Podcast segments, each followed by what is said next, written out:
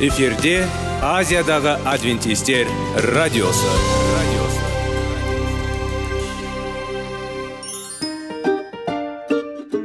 Сәлем достар. Денсаулық өмір бұлағы және біздің бірінші байлығымыз демекші денсаулық сағаты рубрикасына қош келдіңіздер.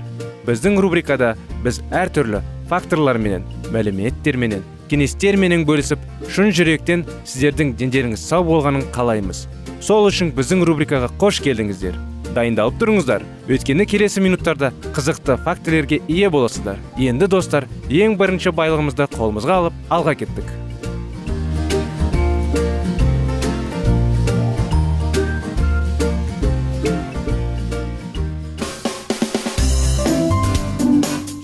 Денсаулық туралы хабар.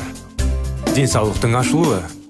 Күн сайын сөз үшін күшті кеңестер соңғы жаңалықтар қызықты факторлар. Біздің рубрикада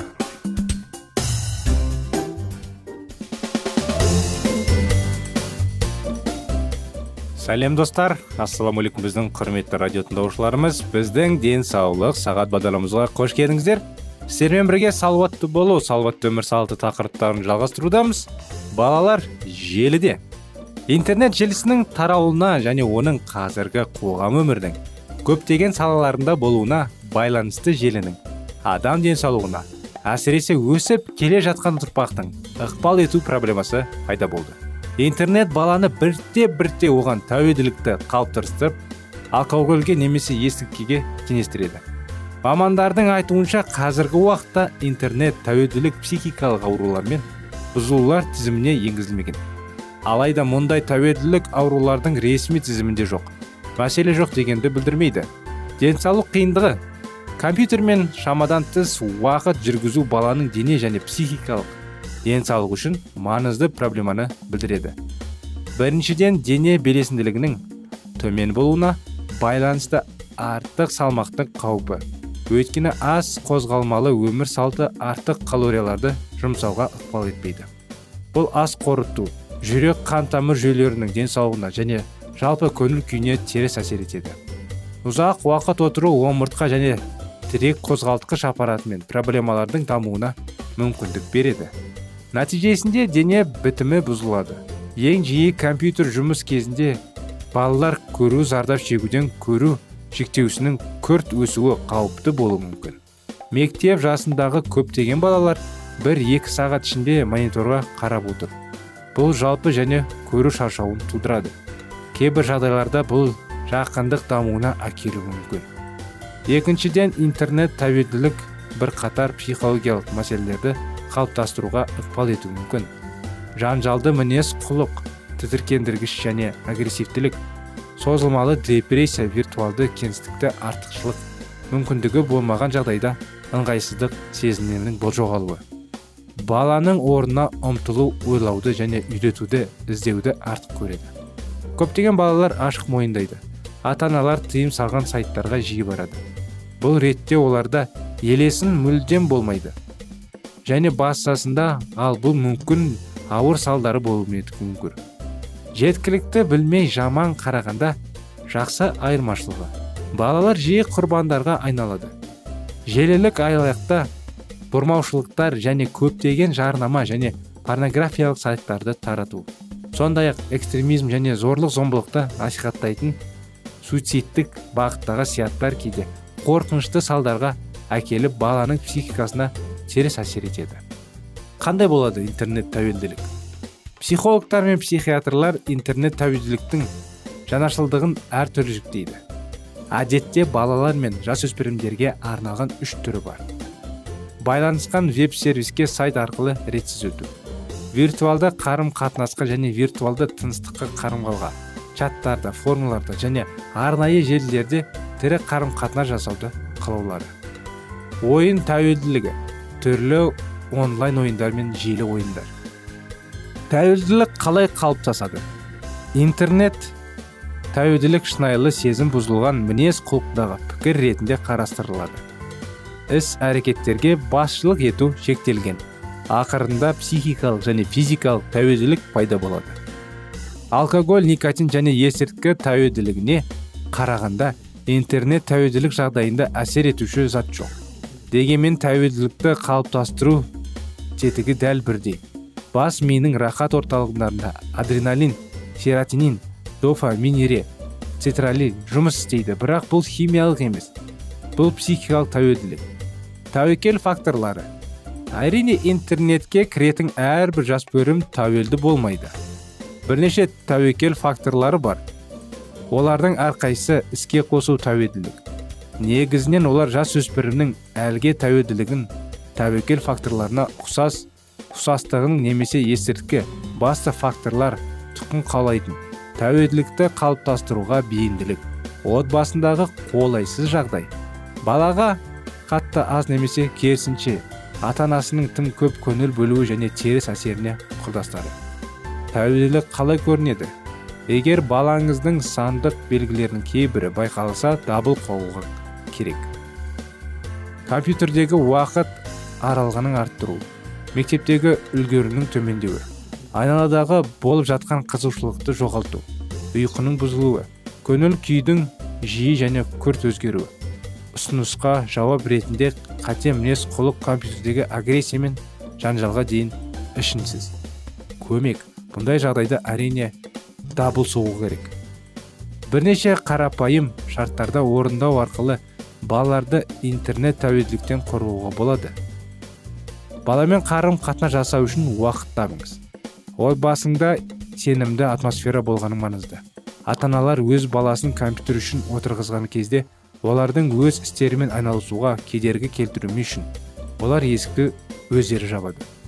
Балаға керісінше емес ғаламторда жол серік болыңыз. Ата аналар интернетті меңгеру саласында өз баласының аз кем болу керек. Тек ойын және әлеуметтік желілер ғана емес оның балаға пайдалы мүмкіндіктеріне көрсету керек. Сіздің балаңыз желіде немесе айналысының біліңіз. Баланың немен айналысқанын ашық көңіл бөліңіз.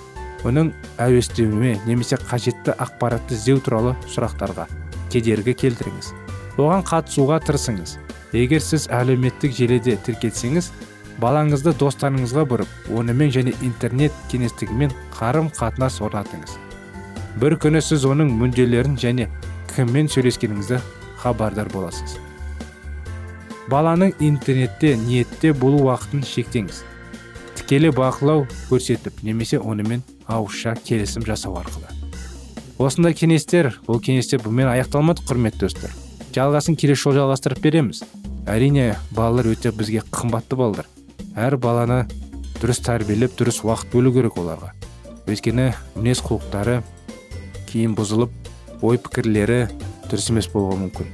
Сондықтан келесі жолға дейін сау саламат болыңыздар.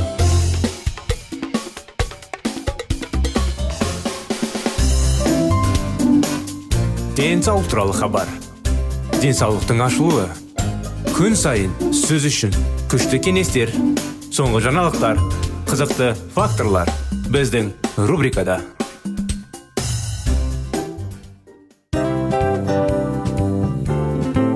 Әуелі байлық денсаулық екінші байлық он саулық үшінші байлық ақ жаулық. Ал енді осындай радио парақшадан кейін не дейміз? Барлықтарыңызға денсаулықтарыңыз зор болсын деп тілейміз. Денсаулықтың өзгеруі кішкентай нәрселерден басталады. Осымен біз берген кеңестер мен мәліметтер шын жүректен сіздер үшін қандай да бір болсын жәрдем берді деп үміттенеміз. Тыңдаушыларымызбен келесі радио парақшасына дейін қоштассамыз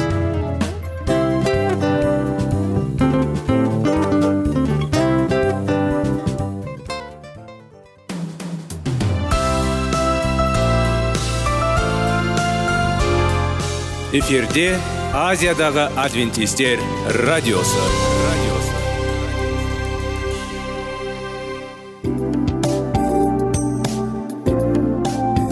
Сәлем достар. Барлықтарыңызға шын жүректен сөйлесейік рубрикасына қош келдіңіздер деп айтпақшымыз. Шын жүректен сөйлесейік бағдарламасы әртүрлі қызықты тақырыптарға арналған. Шындығында шын жүректен сөйлесейік деген сөздің мағынасы екі достың екі адамның ортасындағы шын жүрекпен сөйлесуі бір біріне сенуі ашықтық пен шындықты білдіреді. Сол үшін біздің бағдарламалар әртүрлі қызықты тақырыптарға арналған. Дайындалыңыз жаңа қызықты мәліметтерге ие болуға. Ондай болса кеттік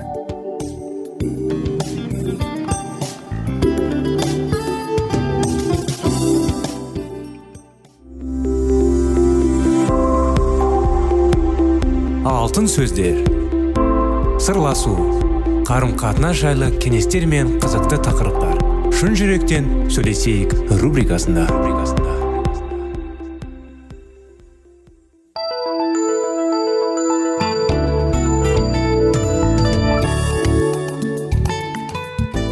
Сәлеметсіздер ме сәлем достар. Армысыздар біздің құрметті радио тыңдаушыларымыз. Шын жүректен сөйлесейік бағдарламамызға қош келдіңіздер. Сіздермен бірге баланың жүрегіне бес қадам тақырыбын жалғастырудамыз. Құрметті достар бүгінгі күнде көптеген кісілер ата аналар балалармен тілді қиындау табады. Кей кезде қатал болады қатал ұстауға тырысады.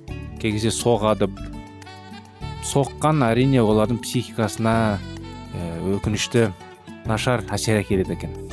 Абай болыңыздар. Өйткені баланы жазалаудың түрлері бар ғой мысалы. Қазіргі уақытта.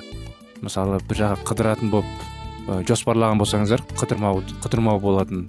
Оны бұрышқа қоймай оған дұрыс түсіндіріп айту керек. Әрине сен өзіңді дұрыс емес іс әрекеттерің үшін сабақ дұрыс емес оқыған үшін мысалы енді қандай жағдай болған кезде? Енді жазалаудың мәселе тәсілі осы деп түсіндіріп айтуға да болады. Мысалы мерилин алғаш рет ұлы джо 12 болған кезінде махаббат тілі туралы естідім дейді. Дос қыз оны отбасылық қатынастар психологиясы бойынша семинарға келді. Бірінші күннің соңында мерилин өз жаңалықтарымен бөлісті. Ақыры соңында мен джо неге өзін өзі ұстайтынын түсінемін. Үнемі қол астына ұшып кетеді. Жай ғана жол бермейді. Бұрын мен ойладым ол оны атады деп. Ол маған қалай ұнады деп. Мысалы менің ыдыс аяқ ол артынан қуып алақаныма көзімді жабады. Ол маған тыныш өту мүмкін емес. Егер мен жүріп бара жатсам ол міндетті түрде бір нәрсе жасайды. Жұлып қолымнан ұрады.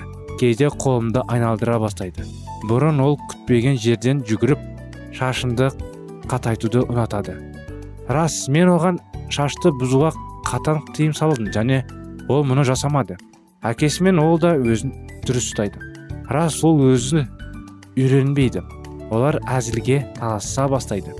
Еденге сырғайнайды жиһазды құлатады. Енді мен көремін. Ана тілі джоны жасау. Себебі бұл. Осы жылдар бойы ол маған ұнайтын өйткені мен оны жылап қалғым келеді мен нәзікке үйренген жоқпын. Менің ата анам ұстамды адам болған. Және біздің отбасымызда бұл қабылданбаған. Қазір мен түсінемін күйеуі джо мен еденде күрескен кезде ол оған өз махаббатын айтады. Ал мен өз ұлыма махаббаттың бас тартамын. Неге мен мұны бұрын байқамадым? Өйткені бәрі оңай. Сол кеште мерлин күйеуіне семинар туралы айтып берді. Алдымен крис сәл таң қалды.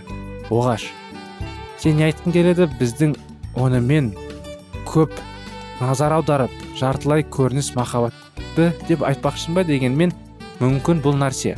Бұл мұны неге ойладың менің ойымша бұл табиғи. Білесің бе? Бәлкім жоқ. Жанасы бұл менің ата ана тілім. Ол айтқан кезде мерлиннің көзі ашылғандай әрине крис әлемдегі ең нәзік адам. Ол оны және ұлын аямайды. Ол жақындыққа ұмтылмайды. Тіпті оны сүйеді. Демек осы жылдар бойы ол тек джо ғана емес күйеуіне де сүйіспеншілікке беленеді. Мерлин түсінді ол бұл тілді меңгеру керек. Бұл мұнда қалай? Алдымен ол жай ғана жауап беруді шешті. Келесі күні джо раквинаға уланып оған көзді жауып жатқанда ол тез орап баланың өзіне міне сонда да жүрді алдымен ол күтпеген жерде шығып қуанышты күлді.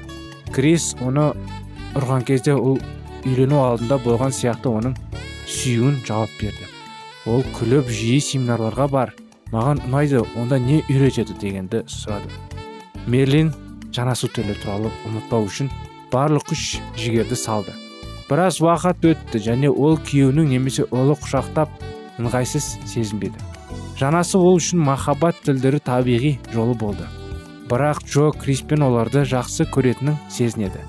Олар оған жауап беруге тырысты және оны ана тілін азырақ үйренді.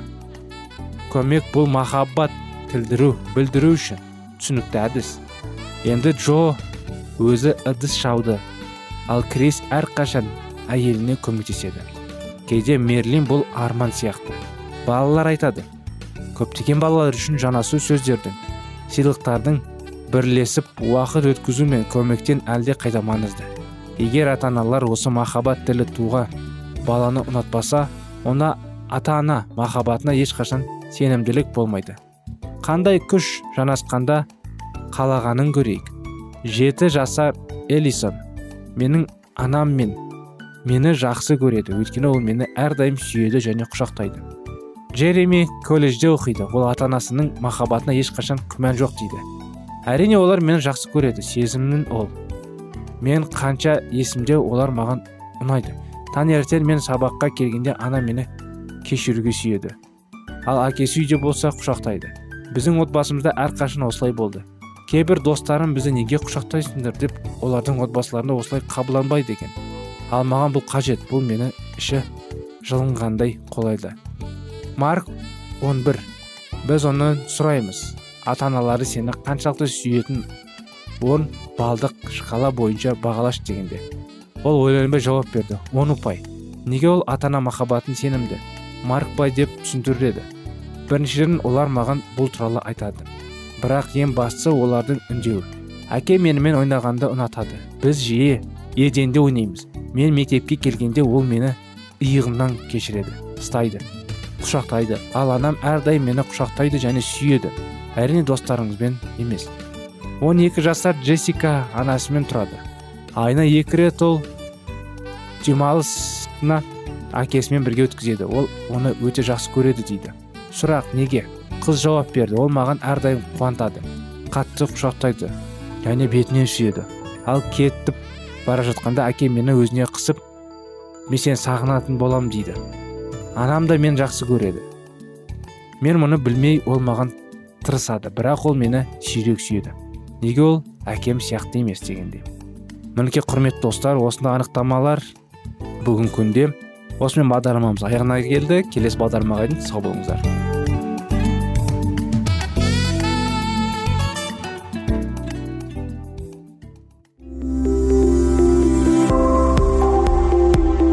Алтын сөздер. Сырласу. Қарым қатынас жайлы кеңестер мен қызықты тақырыптар.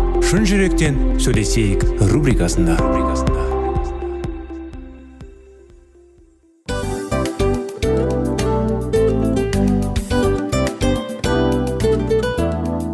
Құрметті достар барлық ең соңғы кеңестер аяқталған соң біздің программамыз соңына келіп қалды. Осы біздің мәліметтер осы рубрикада айтылған әрбір сөздер сіздерге өзінің қандай да бір пайдасын алып келді деп шын жүректен сенеміз.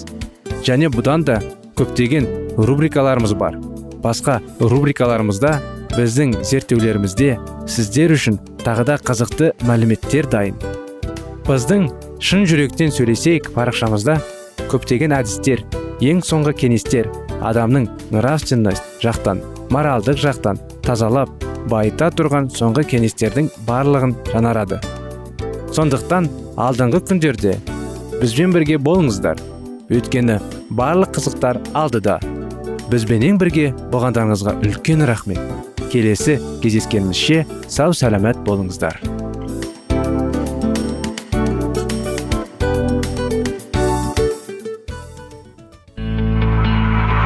Жан дүниеңді байытқан жүрегіңді жаңғыртқан өмірдің мағынасын ойландырған рухани жаңғыру рубрикасы.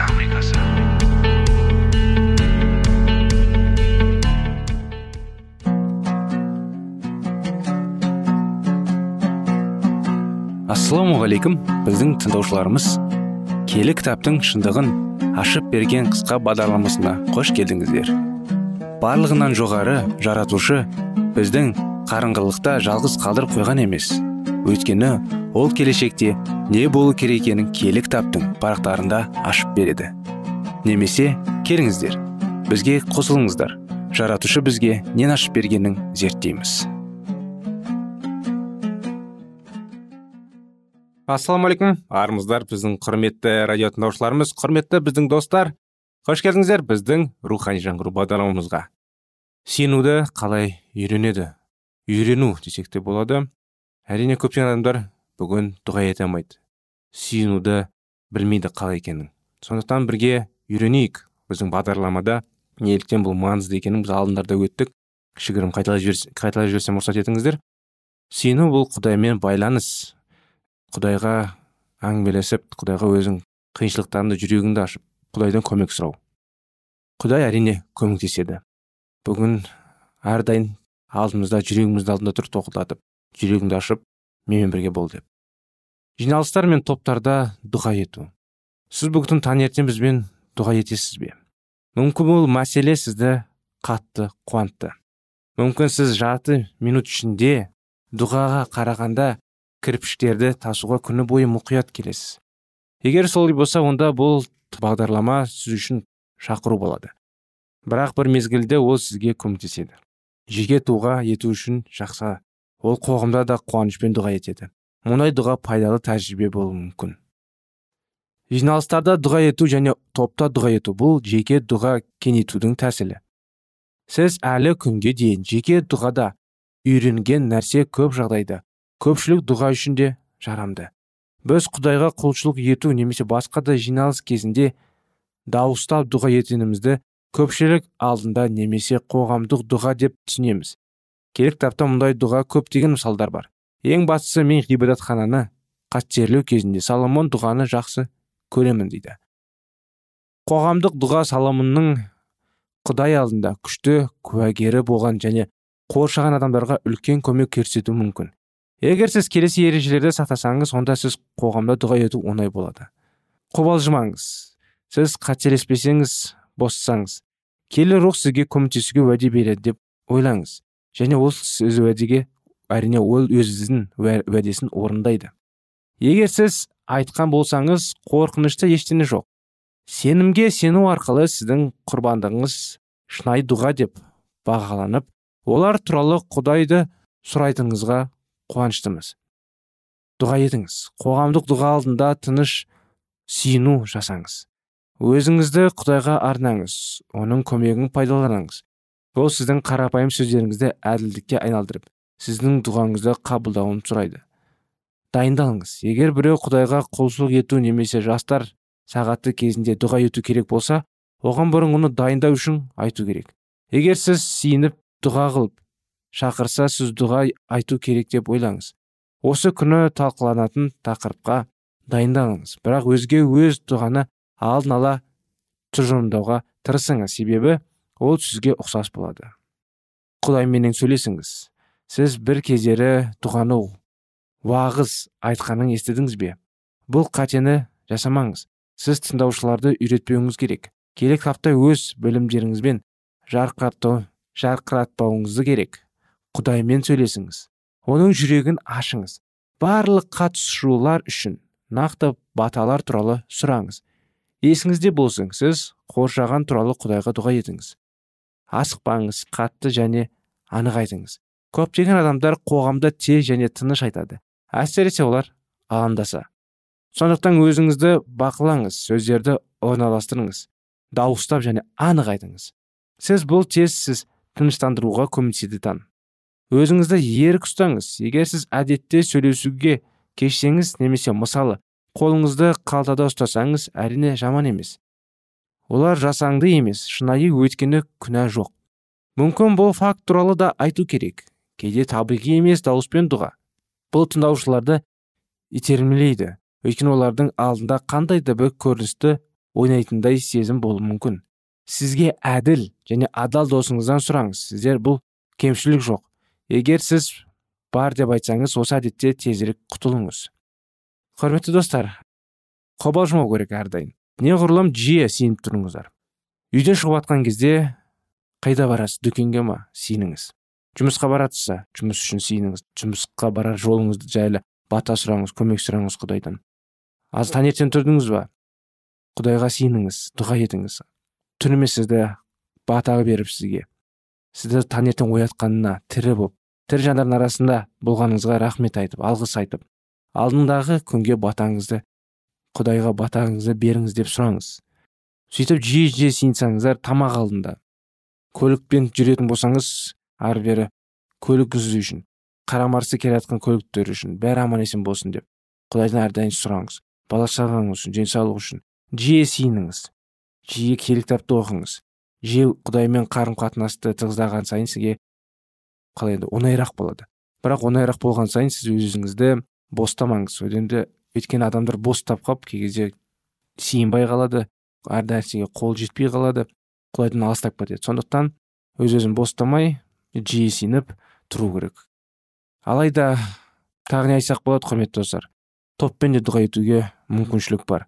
Көптеген адамдар топпен мысалы жолға шығып жатқан кезде ұзақ жолға. Жанұямен жанұямен жиналып топпен дұға еткен. Бата сұрап жолға ұзақ жолға. Аман есен істерін әзірлеп қайтуға. Топпен дұға ету сондай ақ олардың барлық туыстары мен достары туралы дұға ет. Әрине егер сіз біреу туралы дұға етсеңіз құдай қарсы емес. Бірақ бұл барлық туыстарын ғана емес ақылға қонымды істеу керек. Дегенмен мұндай сөздер дұға емес. Үшін қолайлы сүйіну шеңбер. Мүмкін бір екі адам сізді алаңдатады ма? Сонда олар туралы топта айтып олар туралы дұға етіңіз. Бірақ бәрі бірде болу керек. Барлығына мәсіхшілер парыз деп санауымыз керек. Әрине бір топ болып жиынған кезде онда бір адам ғана сүйінуге болады. Және де кезек кезектеп мысалы бес адам ба қысқа қысқа ойды, ойларын айтып жеткізіп құдайға сиынуға болады. Әрқайсысы кіші кішігірім сүйініспен. Осындай тәсілдер бар. Тәсілдер көп негізі сиынудың сиыну бұл құдаймен байланыс. Сіздер мысалы таныстармен или достармен жиі сөйлеспесеңіз суып қалады ғой қарым қатынастарыңыз сол сияқты сиыну да ол құдаймен бірге сөйлесу онымен бірге әңгімелесу онымен бірге қарым қатынасты жалғастыру. Әрине киелі кітапты да оқып тұру керек. Кей кезде құдай киелі кітап арқылы жауап береді кей кезде сүйіну арқылы жауап береді. Сондықтан құдайдың қолына бәрін табыстап құдайдан бата алып құдайдың жолында түзу жүруге тырысу керек. Мінекей құрметті достар осындай кеңестер бүгін осындай анықтамалар бағдарламамыз аяғына келді. Сіздерді келесі бағдарламада күтеміз. Сау болыңыздар.